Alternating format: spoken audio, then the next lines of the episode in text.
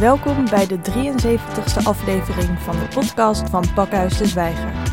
Mijn naam is Aniek van Rinsum en vandaag spreek ik met Priscilla Vaudel, theatermaker en directeur van Last Project. Hoi Priscilla, welkom. Hi, hi. Jij bent afgestudeerd theatermaker en docent. Klopt. Wat betekent theater voor jou? Zo, die vraag komt binnen. Ehm, theater betekent voor mij een manier om mezelf te uiten, om een verhaal te kunnen vertellen en dat te delen met een publiek. En dan is met wie ik theater maak voor mij ook heel erg belangrijk, omdat het voor mij gaat over mensen die de behoefte hebben om op een podium ook een verhaal te delen met mij en een publiek. Al tijdens je studie richtte jij samen met Tim van den Heuvel Last Project op. Wat is Last Project? Last Project is ja, een platform, collectief. Ik heb dat vanuit een behoefte, vanuit iets dat ik miste binnen de theatercultuur toen destijds. Opgericht om eigenlijk weer nieuwe gezichten, nieuwe verhalen te brengen. Waar ik veel meer affiniteit mee had dan wat ik destijds in het theater voornamelijk zag en wat de norm was. En ik miste daar saus en vibe in die ik moest voelen om theater te kunnen maken. Je werkt eigenlijk met hele wezenlijke thema's die aansluiten bij wat er echt speelt voor jongeren in de maatschappij nu. Ja. Bijvoorbeeld heb je de voorstelling The World is Yours gemaakt over slashies. En dat Klopt. zijn mensen die dan bijvoorbeeld barman en ontwerper zijn. Dus barman slash ontwerper of pizza courier slash spoken word artist. Klopt. En bijvoorbeeld de voorstelling Man Down over mannelijkheid in deze tijd. Ehm, waarom kies je ervoor om juist voor dit soort onderwerpen te gaan? Omdat theater voor mij heel erg gaat over deze maatschappij en waar we in leven. Ik ben opgeleid op eh, de Hogeschool voor de Kunsten, opleiding theaterdocent, theatermaker. Dus wij hebben heel veel vanuit Shakespeare gekregen, vanuit de Grieken gekregen. En waar ik mezelf daarin kon vinden, was dat zij eigenlijk altijd iets zeiden over het volk of de maatschappij of de politiek. En voor mij is dat eigenlijk ook het soort theater wat ik maak.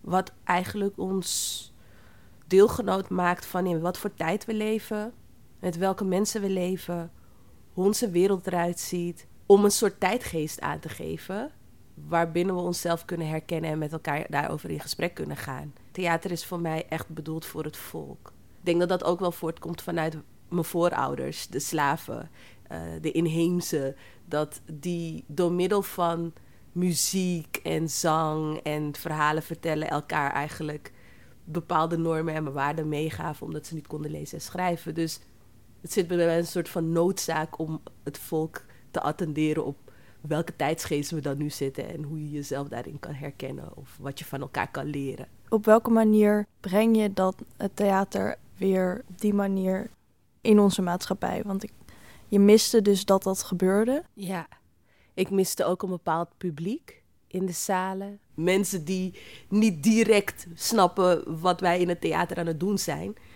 Maar wel het heel tof zouden vinden als ze zichzelf zouden kunnen herkennen daarin. Dus toen ben ik eigenlijk via Facebook een, een community gestart waarin ik eigenlijk alle lelijke repetities die we maar hadden postte. En zo gingen mensen ons volgen.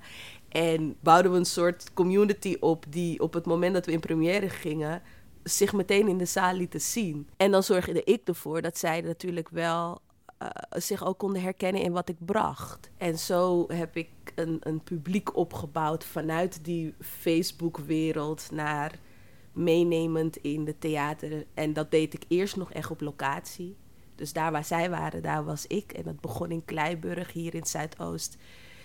Dat was toen een klusflat aan het worden. En die was toen helemaal leeggehaald. En toen zei ik van, mag ik alsjeblieft één voorstelling in deze oude staat van deze flat nog maken? Ik kocht gewoon wat eten, zodat we in ieder geval konden eten. En we waren gewoon keihard daar theater aan het maken. En uiteindelijk is daar de voorstelling Awkward uitgekomen, die heel erg ging over het je uiten vanuit een bepaalde seksualiteit binnen een community die eigenlijk al best wel stroef is. Omdat hier in Zuidoost hebben we heel veel christenen, moslims. En als je dan net een ander soort seksualiteit hebt, dan was dat in die tijd heel erg lastig om daarover te praten. Dus toen maakten we awkward in, een, in de klusflat, waar de mensen echt een meter van ons vandaan zaten en gewoon ons verhaal vertelden in de hoop dat ze zouden begrijpen dat we eerst mens zijn en dan pas seksualiteit. Dus ja, zo ben ik begonnen en zo ging ik steeds meer het theater in en nam ik eigenlijk dat publiek mee het theater in. En in hoeverre zijn jouw spelers jouw muzes? Mijn spelers zijn me alles. Wat het ook ingewikkeld maakt. Kan je dat uitleggen hoe jij werkt?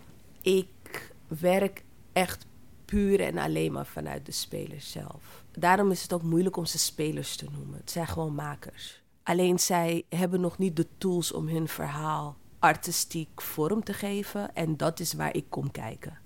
Maar het verhaal is en komt van hen. Ik kies een thema wat mij interesseert. 9 van de 10 keer is het ook geïnspireerd op mijn eigen leven. Dat ik dat thema interessant vind. En dan ben ik op zoek naar jonge makers die, of verhalenvertellers die een podium zoeken of die op zoek zijn naar zichzelf binnen een soort creativiteit. Die verzamel ik, zoveel als ik kan hebben per productie.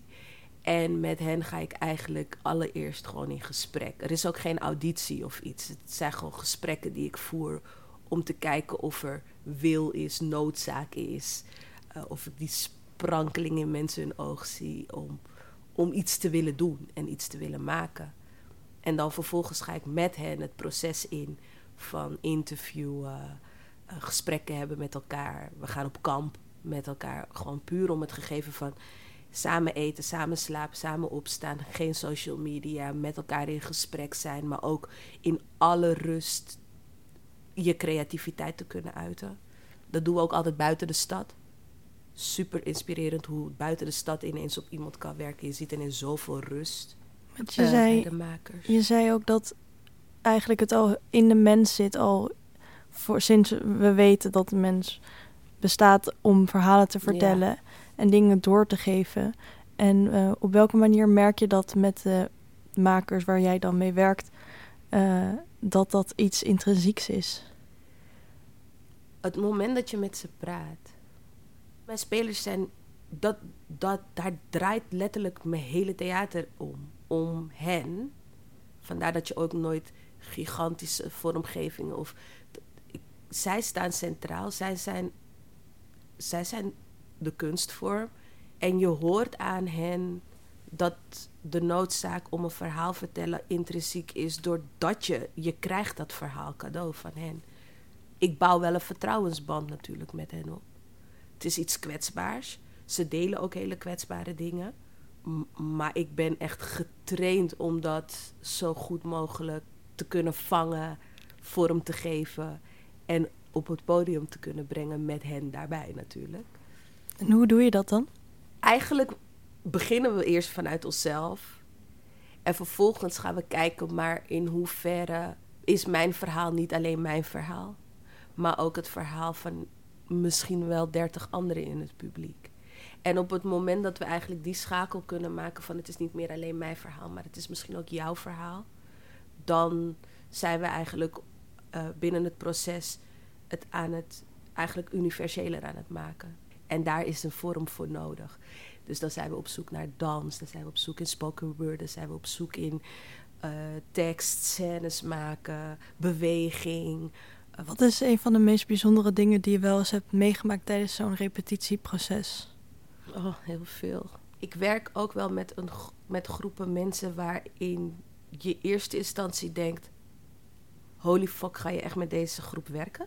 Het zijn namelijk niet per se mensen waar, waar elke kunstenaar meteen om staat te springen om met hen te werken. Het, is, het zijn mensen die zoekende zijn. Dus ze zijn heel kwetsbaar en ze zijn ook ze zijn nog aan het opgroeien. Dus ergens zijn ze ook heel opstandig en zijn ze aan het afstoten nog heel erg. Dus dat alleen al maakt dat ik altijd bijzondere momenten heb in processen.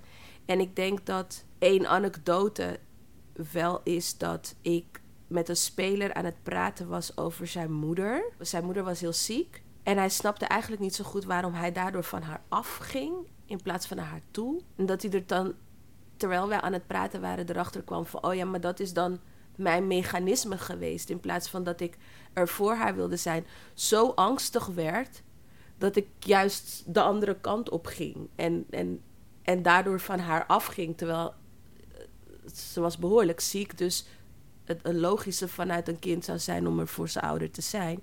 Maar dat gingen we dan bevragen. Is dat zo logisch? Of is het nou zo dat als je iemand waarvan je houdt zoveel pijn ziet hebben, wil je dan niet juist?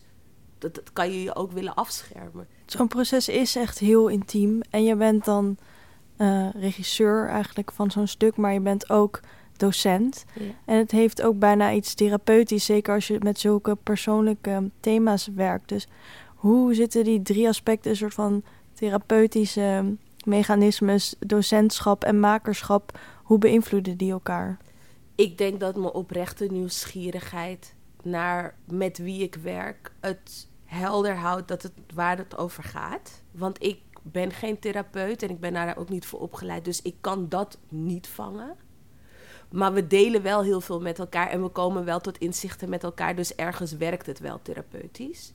Maar ik probeer me daar nooit te veel op te focussen, omdat dat is niet mijn expertise. Waar het voor mij om gaat, is een ontwikkeling tijdens een proces waaruit iets anders gaat komen, wat artistiek heel mooi is. Dus ik begeleid het vanuit het didactisch-pedagogische eigenlijk niet zo. Ja, ik zou niet zeggen dat ik daar super goed in ben. Maar het is wel zo dat ik door die oprechte nieuwsgierigheid naar de ander wel bewaak dat het nog steeds gaat om dat wat we uiteindelijk op toneel brengen. Maar het is echt een moeilijke vraag. Ik heb geen flauw idee hoe ik dit eigenlijk doe nu ik erover. Ik denk dat het gewoon heel erg gaat over blijven zien dat het over dat artistiek proces gaat. En dat het gaat over dat wat je met het publiek wil delen.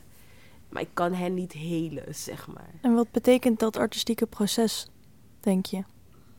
Wanneer is iets artistiek? Ik denk dat ik heel vaak op een randje heb gezeten. Ik heb zelfs, ik heb zelfs, side note, ik heb zelfs gehad dat de voorstelling gewoon echt tot leven is gekomen. Dat is een voorstelling die we hadden gemaakt en de, de voorstelling super goed. Echt een hele toffe voorstelling, maar die voorstelling is gewoon bijna letterlijk tot leven gekomen. Wat gebeurde er dan? Nou, die voorstelling ging over dat een groep uit elkaar viel. Die groep is gewoon letterlijk uit elkaar gevallen. En alle lijnen die we in die voorstelling hebben uitgezet, die zijn gewoon letterlijk gebeurd.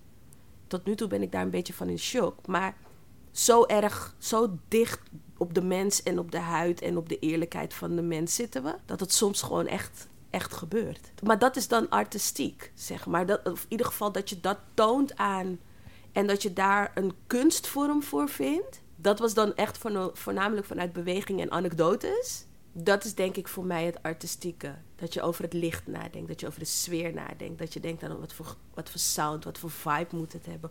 Hoe moet het publiek de zaal verlaten? Hoe wil ik dat het publiek de zaal verlaat? Wat wil ik dat ze meekrijgen? Of wil ik dat ze boos zijn? Of dat ze juist begrip krijgen? En hoe geef ik dat vorm? Dat is voor mij dat artistieke. Wat denk je dat theater als kunstvorm teweeg kan brengen vergeleken met andere kunstvormen. Dat is echt de mens. Het, gewoon van mens tot mens. En dan maken wij ook nog echt theater dat direct communiceert met het publiek. Dus we, we spreken het publiek eigenlijk altijd aan. Er is nooit een vierde wand. Nooit. Dus als we eigenlijk daar waar we zijn, daar, ben, daar is het publiek met ons. En daarin, dat, dat kan je in geen enkele kunstvorm op die manier als dat, dat wij dat doen in, met theater. Ik heb ook wel gehoord dat jouw voorstellingen worden gezien als feestjes. En dat je ook minder streng bent op uh, sommige infrascati bijvoorbeeld. Dat mensen gewoon mogen filmen en een beetje mogen meepraten. En dat ze te laat mogen komen. Wat, waar Frascati meestal best wel strikt, strikt op handelt. Uh, zijn dat hele bewuste keuzes? Ja, Kijk, ik ben gewoon fan van, van de tijd van Shakespeare. Waarin mensen gewoon leefden in het theater. En leefden als in ze reageren op dingen. Ze gooien tomaten als ze het niet leuk vinden. Ze, ze, ja, ze doen mee. En ik vind dat mijn publiek mee moet doen en moet kunnen doen. Dat, dat rustig zitten en kijken en luisteren, dat doen ze ook. Maar ze mogen wel reageren. En omdat ergens pak ik ook een publiek dat voornamelijk bijvoorbeeld in de bioscopen te vinden is of Netflix aan het kijken is. Het, is, het is ook een, een, een doelgroepkeuze. dat ze van mij daar ook op die manier mee om mogen gaan. Het is aan mij als kunstenares om en de spelers en mijn product zo sterk te maken dat ze dat, dat ook gewoon kan. Maar ik vind het, ik vind het heerlijk als mijn. Maar ik ben Surinaams. Mijn moeder praat letterlijk overal doorheen. het is gewoon. Dat is hoe, hoe, hoe wij feestjes bouwen, inderdaad. En het is een uitje, dus mensen moeten ook het gevoel hebben van... wow, ik ben ergens geweest, ik heb iets ervaren, ik heb iets gehoord of ik heb iets gevoeld. En ik ga naar huis en ik denk, wow, wat, wat was dat? Of ik had niet verwacht dat ze me zo hadden geraakt of zouden raken of dat het over mij zou gaan. Ja, dat is wel iets waar ik, waar ik echt naar op zoek ben. Dat ik, dat ik theater gewoon oldschool levendig hou. En dat is voor mij niet stilzitten en, uh, en naar onze voorstelling kijken. Dat, ik denk dat ik daar zelf ongemakkelijk van zou worden als ik dat zou vragen van mensen. Nee. En eh, social media is gewoon het nieuwe mond-op-mond reclame. Dus alsjeblieft film. En tag ons erin. En dan kunnen we er weer voor zorgen dat we de volgende keer weer een zaal vol hebben. Omdat mensen denken, hè, waar was jij? Ja, het zijn allemaal keuzes die je maakt in een bepaalde tijdsgeest. En die tijdsgeest, dat is voor mij Net als dat we door Shakespeare weten in wat voor tijd hij leefde. Net als dat we bij de Grieken weten ongeveer wat voor tijd daar is dit voor mij. Dit is voor mij deze tijd.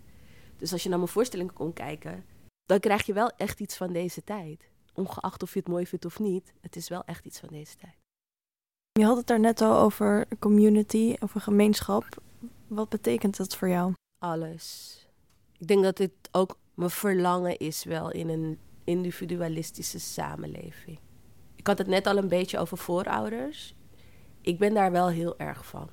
Voorouders, roots. Ehm, op een eerste generatie geboren Nederlander. Geboren in Nederlander, Nederlander van kleur. Mhm. Want dat is wat ik ben.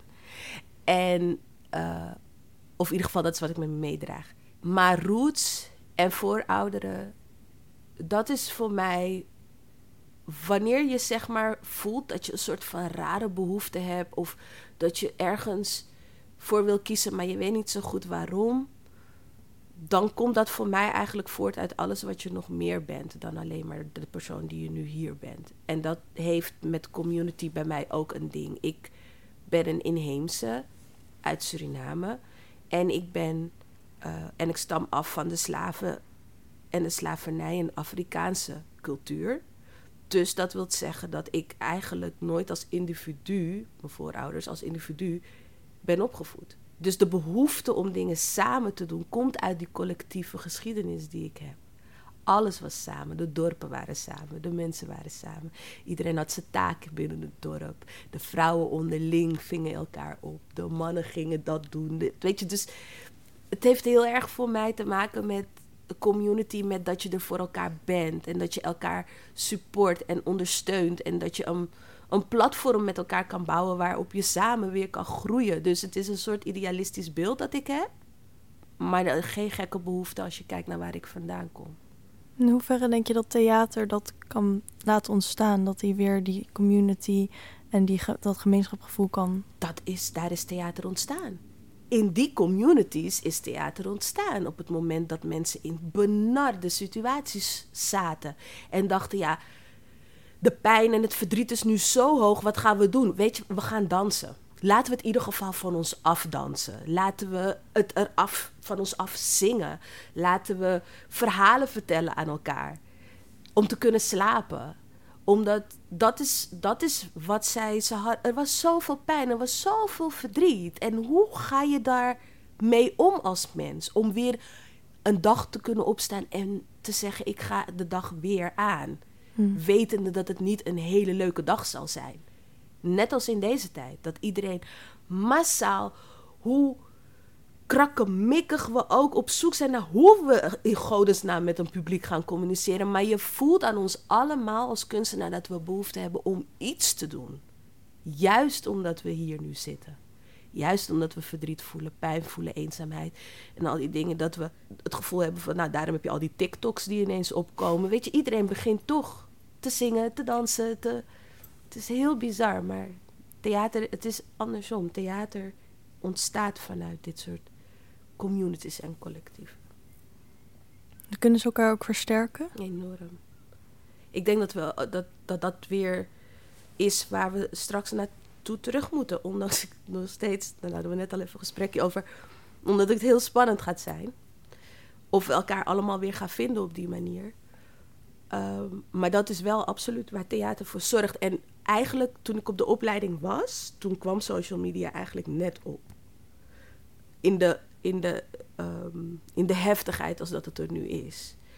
En ik wist toen eigenlijk al, oh ja, dat individualistische gaat nu enorm beroep op ons doen. Hoe ga ik ervoor zorgen dat we nog steeds fysiek in contact blijven staan met elkaar? Want net als wat ik zei, de doelgroep waar ik me op richtte, die was al op social media. Dat was allemaal Facebook. Daar was iedereen. En Los Project was voor mij wel een plek waarvan ik wist, maar als ik, die, als ik dat kan bereiken, dat in ieder geval er om de zoveel tijd 14 mensen sowieso met elkaar door één deur moeten en fysiek met elkaar in contact moeten blijven staan, dan heb ik in ieder geval een gedeelte gedaan met theater om die community te kunnen blijven houden met elkaar, maar ook echt fysiek en niet alleen maar online. Je had het net over theater dat ontstaat uit heel veel verdriet. Is theater een troostende kunstvorm? Hmm, goeie vraag. Ook. Ik denk dat het beide is. Wat is het nog meer? Ik denk dat het een manier van uiten is. Ehm, eh, een spiegel, maar ook een afspiegeling.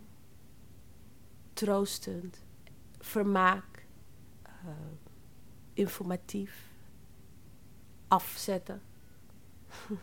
kan natuurlijk ook heel erg een manier zijn om je ergens. Je kan ook juist heel boos zijn en daarom theater maken. Theater kan veel betekenen voor heel veel kunstenaars, maar ook voor heel veel mensen in het publiek mensen waarmee je het maakt. Ja, theater is veel. Ja. Je het ook over um, belang wat je hecht aan roots. En je hebt dus aan de Amsterdamse Hogeschool van de Kunsten gestudeerd. En toen je afstudeerde wilde je terug naar huis. En in eerste instantie was dat naar Zuidoost. En nu zijn we toevallig ook in Zuidoost. Klopt. Op jouw kantoor.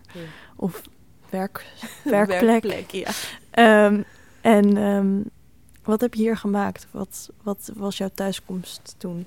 Ik maakte toen Awkward. Ja, dat was dus in de flat Kleiburg. Ja. Ik was zelf toen helemaal in seksualiteit. En eigenlijk iedereen die hier woonde en een andere seksuele geaardheid had, die verliet Zuidoost. Zodat je, zodat je eigenlijk in de stad iets vrijder kon zijn. Want hier zou je dan toch wel heel veel moeten uitleggen toen destijds. Het is nu veel minder hoor, maar toen. Dus thuiskomen voor mij was ook wel een rebelse actie. Dus ik wilde en terug naar huis om te delen wat ik allemaal heb geleerd. Want ik was eigenlijk de enige toen destijds van kleur die op de Hogeschool voor de Kunst had gezeten. Dus ik wilde heel graag delen wat ik allemaal had geleerd. En tegelijkertijd wilde ik ook een beetje rellen. Dus dat was wel lekker om gewoon een voorstelling te kunnen maken want ja, je krijgt wel je moeder die zegt, maar moet dat nou? ja, maar dit moet. En dan echt zo provocerend onze, onze geaardheid te laten zien... zonder dat we, dat we daarmee boos waren, maar juist vroeg om een stukje begrip. En waarom was seksualiteit toen voor jou zo'n prangend thema? Ikzelf. En mijn zoektocht naar mijn eigen seksuele voorkeuren en hoe breed dat ineens was en hoe, hoe, hoe open ik daar ook voor stond. En iedereen die ik om me heen zag, die uh, inderdaad Zuidoost verliet om toch hun seksuele geaardheid op elders, of eigenlijk vooral in het centrum, beter te kunnen uiten. En dat vond ik best wel moeilijk, omdat ik dacht, maar we hebben nog steeds onze ouders nodig hierin, ook hierin. Want er werd toen destijds heel erg gepretendeerd dat seksualiteit niet uit zou maken in de maatschappij. Uh, nou ja, we hadden de gay parade, weet je, de reguliere dwarsstraat. Maar het was pretendeerd, zeg ik, omdat de maatschappij kan dat wel roepen. Maar je moet nog steeds de straat op. En je moet nog steeds naar school. En je moet nog steeds naar huis. En als er ergens in die factoren er geen acceptatie is voor wie of wat jij bent, dan ben je niet, dan ben je nog steeds zoekende. En dan voel je je ook nog steeds niet veilig genoeg. Dus ik denk dat Los Project ook echt een, een, een plek is die ik voor mezelf heb gebouwd, waar ik me veilig genoeg voelde om theater te kunnen maken zoals ik het voor me zie. En dus was Awkward was ook een voorstelling waarbij ik een soort veilige plek probeerde te creëren voor de spelers om hun verhaal te vertellen. Voor een publiek dat ik hoopte dat zich veilig genoeg zou voelen omdat wij hier kwamen. Mooi. Is dat gelukt? Ja, zeker. Ja, absoluut. Ik uh, moet eerlijk zeggen dat in mijn omgeving daar echt al hele grote stappen daarna zijn gezet. En ik in dat opzicht gelukkig ook niet meer hoef te strijden voor dat alles er is. Dus dat is een heel mooi, heel mooi gegeven. Het theater ook echt als spiegel en als manier om de maatschappij te veranderen. Ja, ik, dat niet, ik durf niet te zeggen dat ik de maatschappij verander, maar ik probeer wel altijd alles ook op een andere manier te laten bekijken. Want de vooroordelen zijn er. Daar ga ik niet over liegen. De vooroordelen, ik snap waarom er vooroordelen zijn. Overal zit een kern van waarheid in. Maar ik geloof ook dat alles een verhaal heeft. Dus op het moment dat er over een groep een bepaald oordeel is, ga ik niet zeggen dat die oordeel niet klopt. Maar ik kan je wel laten weten wat het verhaal is achter dat wat jij ziet. En dan zou jij je oordeel zelf kunnen veranderen. Na Zuidoost ging je nog een keer naar huis. Hm. toen ging je naar Paramaribo. Ja. Kun je daar iets over vertellen? Je hebt toen de voorstelling Brasa gemaakt. Klopt. Waar staat dat voor? Brasa, bra is eigenlijk brada. Brada in het Surinaams is broer. En sa is staat voor sissa. En sissa in het Surinaams is zus. En Brasa zelf betekent? Ja, Brasa zelf is een hele warme omhelzing. Mooi gevonden. Ja. En kan je iets over dat proces vertellen? Ja, dat uh, was een, toen ik afstudeerde, op de dag dat ik afstudeerde, belde een van mijn grootste idolen mij. Dat wist ik toen niet, Helen Kamperveen. Zij was een van de eerste actrices die op de Nederlandse tv verscheen. Als uh, Surinaamse donkere vrouw. En ze speelde in Medisch Centrum West. En zij belde mij en vroeg of ik niet naar Suriname wilde komen om theater te maken. Nou, ik wist niet wat me overkwam. Ik was, zou net mijn diploma gaan tekenen. En dan word je dus zo een bijzondere vrouw gebeld en ook nog gevraagd om naar Suriname te gaan. En toen heb ik ja gezegd en een jaar later ging ik dus naar Suriname voor de voorstelling Brasa. Wat ik overigens niet wist, want ik ging eigenlijk vrij blanco. Ik had alleen Tsjech of drie zusters bij me. Achteraf gezien weet ik niet waarom ik die per se in mijn tas had. Maar die had ik bij me. En ik had twee acteurs vanuit hier, Tim van den Heuvel en Giano Herdigijn. En ik zou in Suriname nog vier acteurs erbij krijgen, vanuit Helen Kamperveen. Alleen mijn, vader, mijn opa die ehm, werd ziek toen ik daar was. En ik zag mijn opa pas weer na acht jaar. Als het niet langer was. Zou ik twaalf jaar kunnen zijn. En mijn opa was ziek en heel erg ziek. En iedere ochtend ging ik naar mijn opa. En toen vertelde mijn opa dat, dat hij 19 kinderen heeft van zeven vrouwen. Toen dacht ik, wow. Hoe, wow.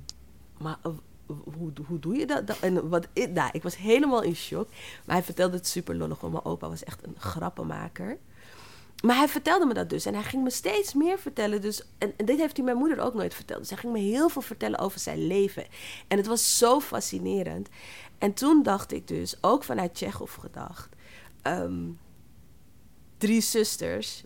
Ik had drie meiden en ik had drie jongens. En toen dacht ik, wow, wat als er een vader komt te overlijden... zoals in Tsjechov... Drie zussen, de jongste is jarig... Maar wat als ze er net achter zijn gekomen dat ze nog drie broers in Nederland hebben? En die komen dan naar Suriname. En wat is die ontmoeting dan? Want dan heb je dus zes kinderen. En toen dacht ik ook nog, ze moeten dus ook niet dezelfde moeder hebben. Het zijn gewoon zes verschillende moeders. Een ontmoeting. En het enige wat hen verbindt is een vader die niet meer leeft. En wat dan? En eigenlijk vanuit dat gegeven ben ik vertrokken een ode aan een vader eigenlijk, hoe erg een kind een vader nodig heeft. Dus het ging me niet zozeer om dat, dat we zonder vader opgegroeid werden, maar vooral hoe, hoe belangrijk zo'n figuur ook in je leven kan zijn. En hoe belangrijk het al helemaal is als er ook nog andere eh, connecties over de hele wereld rondlopen. En zo hebben we eigenlijk Braza gemaakt. Drie broers, drie zussen. Drie broers uit Nederland, drie zussen uit, in Suriname. Die drie zussen wisten wel dat ze zussen waren, maar hadden alle drie een andere moeder, dezelfde vader. En de drie broers, die wisten helemaal niks. Dus die komen blanco naar Suriname. En dan hebben we, heb ik nog één ding toegevoegd. En dat was dat het verlangen van als je in Nederland bent geboren naar Suriname. En het verlangen van Suriname als je in Suriname bent geboren naar Nederland. En dan kom ik op een soort groter thema. En dat is dat ik mama Sranang en papa Nederland had gemaakt. Die ooit een relatie met elkaar hadden gehad. Natuurlijk geen mooie relatie. Maar die ook uit elkaar zijn gegaan. En hoe connected je dan eigenlijk ook weer met elkaar blijft. Totdat je ouders zijn. En zo zie ik mezelf. Want dan kom ik eigenlijk weer terug naar wie is Priscilla Jacinta Margreta Faudel. Dat is echt een Amsterdamse, Surinaamse, Nederlandse vrouw. Die 100% Nederlands is en 100% Surinaams. En niet omdat mijn ouders daarvoor gekozen hebben, maar omdat er iets groters is geweest dat ooit een papa Nederland en een mama Suriname heeft gemaakt. Die hebben een relatie met elkaar gehad. En dus snap ik heel veel van de discussies ook niet. Want als er twee mensen een relatie hebben gehad en kinderen hebben gehad, dan zijn wij dus broers en zussen. En ja, we lijken niet op elkaar. Dat klopt. Maar wij hebben hier ook helemaal niks mee te maken gehad. Dit is een geschiedenis die we samen delen. Maar de kinderen die daaruit voort zijn gekomen, dat zijn wij. Dus het is heel gek om dan met elkaar te moeten praten over acceptatie, inclusiviteit, diversiteit. Als dat in mijn hoofd, ik heb Braza gemaakt, eigenlijk niet klopt. Want we zijn gewoon broers en zussen, omdat twee mensen een relatie met elkaar hebben gehad. En ja, dan ben je misschien half zus of half weet ik veel wat. Maar je bent, je bent wel connected. Alleen een, een, schakeltje is daarin gemist. En dat maakt het voor mij ook moeilijk soms om mezelf te definiëren. Want het enige wat ik kan zijn is dit wie ik ben. Opgegroeid in de Bijlmer. Maar het heeft allemaal een enorme geschiedenis. En daarom was die reis terug naar huis voor mij zo belangrijk. Om te snappen wie ik dan ben. We hebben het heel veel gehad over wat theater allemaal kan betekenen. Um, waarom is educatie in de kunsten belangrijk? Je kan heel veel uit kunst en cultuur halen door de eeuwen heen. En dat moet blijven, want het is ergens ook gewoon ons erfgoed. We, we, hebben kunst en cultuur nodig om te weten hoe een, een tijdsgeest was. En ook misschien nu om duiding te geven aan wie wij zijn. Ja, enorm. En te kunnen uiten daarin ook. Van jong tot oud. Tegelijkertijd kom ik dan weer op dat hele stukje de gekheid dat ik het zo belangrijk vind dat er een goede afspiegeling moet zijn. Dat heeft ook daarmee te maken. Als je je verbonden voelt met kunst en cultuur in een land, dan voelt het ook als jouw land. Als je jezelf daarin kan herkennen. Dus kunst, ook binnen kunsteducatie is het belangrijk dat iedereen voelt dat dat een stukje van jou is en mag zijn. Zodat je je ook thuis kan voelen ergens. Maar dus ook misschien dat mensen zelf leren maken op wat voor soort kunst dan Maakt ook. Niet uit. Ik denk dat het creatieve altijd even aangeraakt moet worden in je ontwikkeling omdat zonder dat je het weet, op het moment dat je dat een kind zich even niet kan uiten, of een jongere persoon zich even niet kan uiten, of een volwassen persoon zich even niet kan uiten, dan zie je wel meteen dat het creatieve een soort plek kan krijgen. Het blijft belangrijk en het is heel erg nodig om, om een maatschappij op te voeden in een, in een, in een land. Waarom is het belangrijk? Ik zit heel, ik, terwijl ik met je aan het praten was, ik heel hard te denken. Als iedereen die educatie zou hebben, wat, wat zou er dan gebeuren? Ja, gewoon meer joy, denk ik. En manier, meer manieren om jezelf te kunnen uiten. En wat betekent dat dan? Ik heb gewoon het idee dat er nog iets achter zit. Kunst, kunsteducatie. Ja, ik vind het zo moeilijk om in zo'n. Dat is het. Nu snap ik het. Ik vind het moeilijk om zeg maar in een instituut te praten op die manier. Mm omdat ik vind dat het nog niet toegankelijk is voor iedereen. Dat is wel een mooie, mooi inzicht. Dus kunsteducatie is belangrijk. Alleen omdat ik zoveel andere wegen met bepaalde mensen moet bewandelen, omdat zij nog niet op die plekken mogen zijn, dat ik het moeilijk vind om te zeggen waarom kunsteducatie zo algemeen zo belangrijk is. Wat moet er nog gebeuren zodat wel iedereen daar toegang of tot krijgt en daar ook mag zijn? Snappen wat onze geschiedenis is.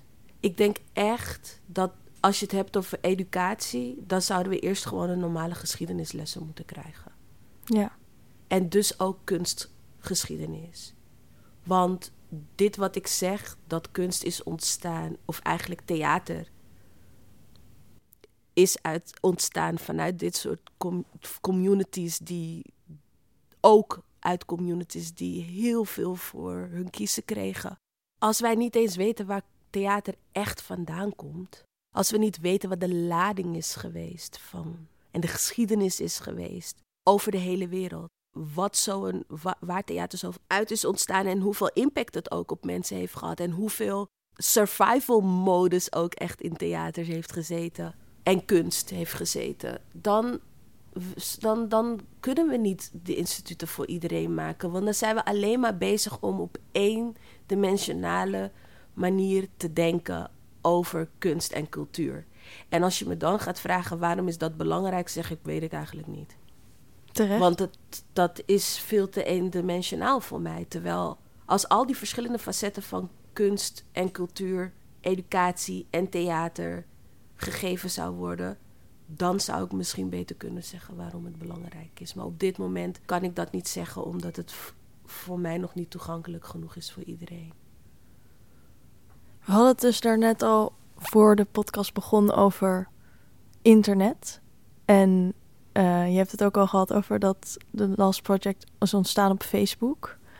Maar een vriend van jou die vertelde ook iets over internet en de kunsten en... Ja. ja. Nou, het is zo dat... Ja, het was echt een heftig gesprek. Omdat wat hij dus eigenlijk zegt is... De social media wereld van kunst en cultuur is, heeft zich binnen twee weken. Volgens mij 17 maart heeft Rutte tegen ons gesproken. Twee weken later hadden we theaterflix. Masterclasses die gegeven werden online. Theaterlessen die gegeven werden online. Danslessen die gegeven werden online. Podcasts, uh, live-uitzendingen. Ik weet niet hoe we dat hebben gedaan. Maar binnen twee weken was er een totaal nieuwe theaterwereld op social media die vriend van mij die zegt: Ik vind dat echt het engste wat er ooit is gebeurd. Ik voelde het ook al zo dat ik dacht: hmm, met Los Project hebben we ook expres niks gedaan. Nog heel even niet. alleen maar een sterkte filmpje gepost. Maar we wilden even nog niet live. Even nog, we moesten echt kijken wat gebeurt er nu eigenlijk echt. We hebben die wereld opgebouwd. En die vriend van mij die zegt: En nu ben ik bang dat we allemaal in de kaarten van andere mensen hebben gespeeld.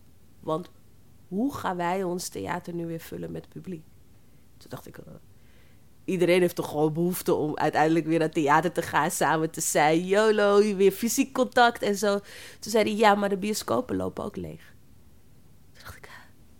zei ja, want de bioscopen we zeiden allemaal dat gaat niet gebeuren. Dat we niet meer naar de bioscoop gaan. Want de fysiek contact en het is gezellig. En popcorn erbij, chips. En dan gaan we met z'n allen naar de bioscoop. Netflix en Pathé Home, dat gaat het niet kunnen overnemen. Nee, klopt, maar het is wel gebeurd.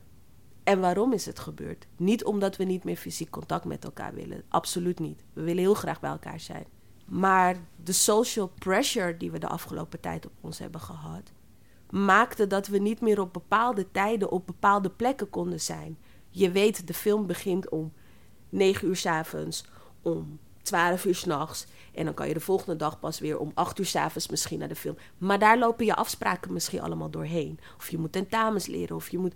Dus op een gegeven moment is het toch makkelijker om gewoon op jouw tijd, wanneer jij kan, een zak chips erbij, popcorn erbij, weet ik veel wat erbij, met je vrienden toch die Pathé Home te gaan kijken. En zo verloor Pathé dus ook zijn bezoekers. De angst is dat Omdat je inderdaad misschien geen tijd meer hebt om op zes uur bij die workshop te gaan zijn. Of om, om acht uur bij die voorstelling te zijn. Omdat straks gaan we natuurlijk weer gebombardeerd worden met van alles wat we moeten. Dat de kans bestaat. Dat we zeggen, ja, maar ja, ze gaan het toch live uitzenden. Dus waarom zou ik dan naar het theater gaan? Ik, ik sla hem voor dit. Ik ga, ik, ga, ik ga thuis. Ik ga thuis die voorstelling kijken. Of ik ga thuis die workshop volgen. Kijk er heel moeilijk bij. Ja, het is zo heftig. Als dat echt gebeurt. Het is namelijk iets waarvan we zeggen dat gaat ons niet gebeuren. Maar dat zei Pathé ook. Het is wel gebeurd. Dus ik ben zo bang dat die zalen dan minder vol gaan raken. Waarom is dat erg? Omdat we dan minder dat sociale, die sociale, dat sociale contact met elkaar hebben. Dat fysiek contact vooral. Dat we echt met elkaar tegen elkaar kunnen praten en zeggen van... hé, hey, hoe vond jij het? Dat je hetzelfde op hetzelfde moment hebt ervaren. Dat het live is. Dat je het zweet van de spelers hebt geroken. Dat je, dat je aangesproken bent op manieren dat je dacht... wow, ze kunnen mij gewoon zien. Het is niet een soort beeld of zo. Ja, dat zou echt, echt kut zijn als onze publieksaantallen naar beneden gaan... omdat we met z'n allen hebben gecreëerd dat social media dat prima kan opvangen. Oké, dus misschien ga je toch maar niet live met jullie Lost Project. Zo, dat is ook moeilijk hoor. Want ik moet ze toch bereiken. Ja. Dat is die noodzaak. Het is zo twisted, omdat je aan de ene kant denkt: nee, ik ga tegen deze gevestigde orde in doen. We gaan de norm echt niet zo maken. En tegelijkertijd denk je: ja, maar ik moet toch communiceren. Ik moet ze toch laten weten dat we er zijn. Ik moet toch. Ja, en dan beland je toch wel in een live of een podcast zoals nu. of dan denk je, shit. Ja. En tegelijkertijd is dit ook weer iets moois, hè. Ik bedoel, even de andere kant ervan. Want dit is zeg maar wat die vriend tegen me zei, waardoor ik een soort hartverzakking kreeg. En we er nu waarschijnlijk allemaal over na kunnen denken. Maar we moeten ook in de gaten houden dat we wel heel veel mensen nu ook wel weer bereiken. Heel veel mensen die inderdaad geen kaartje kunnen kopen. Heel veel mensen die nooit een theaterworkshop hebben kunnen doen. Of heel veel mensen die geen danslessen hebben kunnen betalen de afgelopen jaren, die kunnen dat nu ineens wel weer allemaal zien en voelen en meemaken. Dus er zit echt niet alleen maar een negatieve kant aan. Zeker niet. Ik denk ook weer dat er een hele mooie kant aan zit. Het is gewoon een spannende. We weten gewoon echt niet waar we naartoe gaan nu. Maar daardoor vind ik het ook wel weer leuk. Ik zei al in, in een live met. Uh, met de wethouder, Melanie, zei ik van ja, eigenlijk gaan we gewoon geschiedenis schrijven. En we moeten vooral gretig zijn om die geschiedenis te gaan schrijven. Whatever that may be. Wat voor geschiedenis wil jij schrijven? Goeie vraag. Ik denk dat ik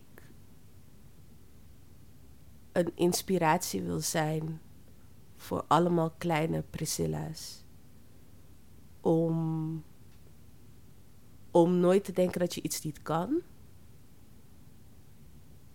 dat hard werken echt heel veel kan brengen. En dat mijn verhalen een bepaalde tijdsgeest in beeld kunnen brengen. Heel veel dank, Priscilla Vaudel. Ja, ook bedankt. Beste luisteraars, dit was de 73ste aflevering van de podcastserie van Pakhuis de Zwijger. Wil je meer weten over dit onderwerp? Kijk dan op vrijdag 15 mei naar de livecast Amsterdam Vertelt via dezwijger.nl slash live. Een rating achterlaten of je abonneren op deze podcast kan via Soundcloud, Spotify, iTunes of een ander podcastplatform. Dank voor het luisteren en tot de volgende keer.